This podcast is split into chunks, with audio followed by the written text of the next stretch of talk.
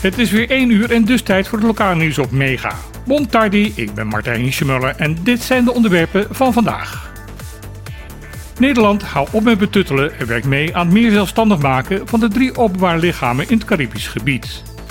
Dat is de belangrijkste conclusie van het vandaag uitgekomen advies van de Raad voor Openbaar Bestuur.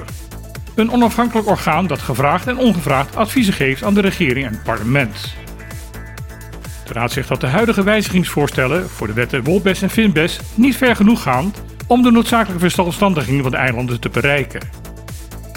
Dit is ook de mening van het bestuurscollege van Bonaire, die om die reden het overleg over deze wetten wilde openbreken. Tot nu toe zonder groot succes. De verantwoordelijke staatssecretaris Alexander van Huffel heeft namelijk steeds benadrukt dat de veranderingen in staatsrechtelijke verhoudingen tussen het Europese deel en het Caribisch deel van het land voor haar onbespreekbaar zijn. Het is af te vragen of ze die stellingname, na dit rapport, nog steeds kan blijven volhouden. Zeer eigengereid en koppig, zo omschreef de advocaat Quincy Carreca de houding van het ziekenhuis Mariedal. Carreca vertegenwoordigde gisteren de luchtverkeersleiding van Curaçao in een kort geding dat door de luchtvaartmaatschappij SARPA en Fundación Mariedal was aangespannen. Daarbij eisten de beide organisaties dat de luchtvaartautoriteit van Curaçao onmiddellijke toestemming gaan geven voor het uitvoeren van air ambulance diensten tussen Bonaire en Curaçao door de Colombiaanse maatschappij SARPA. Tot nu toe is dat geweigerd omdat het hierbij gaat om vluchten binnen het Koninkrijk. Dat soort vluchten zijn alleen maar voorbehouden aan luchtvaartorganisaties die binnen het Koninkrijk zijn gevestigd. De advocaten van de Curaçaose partijen waren het roerend met elkaar eens.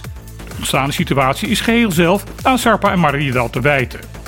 Ze wisten namelijk al in 2020 dat het door hun gewenste constructie niet mogelijk zou zijn. De rechter heeft beide partijen 2,5 uur over de zaak bevraagd. Hij doet over drie weken uitspraak. Voor iedereen die nog wel gevaccineerd wil worden tegen de nieuwe vorm van het coronavirus, maar geen heil ziet in de vaccins gebaseerd op mRNA, is er nu Novavax beschikbaar. Dit vaccin maakt gebruik van eiwitten die ook voorkomen in het coronavirus.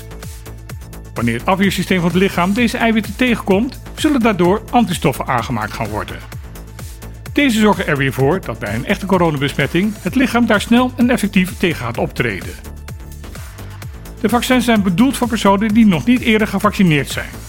Voor een optimale bescherming zijn er twee prikken nodig. Een afspraak maken voor vaccinatie kan via het gratis nummer 0800 0800. Via dat nummer kan ook extra informatie over vaccineren verkregen worden. Politici zowel uit de regeringscoalitie als de oppositie roepen het parlement van Aruba op om binnen 30 dagen de wetgeving rondom het homohuwelijk in behandeling te gaan nemen. De fractieleiders van de partijen Raiz en Action 21 hebben daarvoor een brief aan de voorzitter van de Staat van Aruba, Edgar Vrolijk, gestuurd.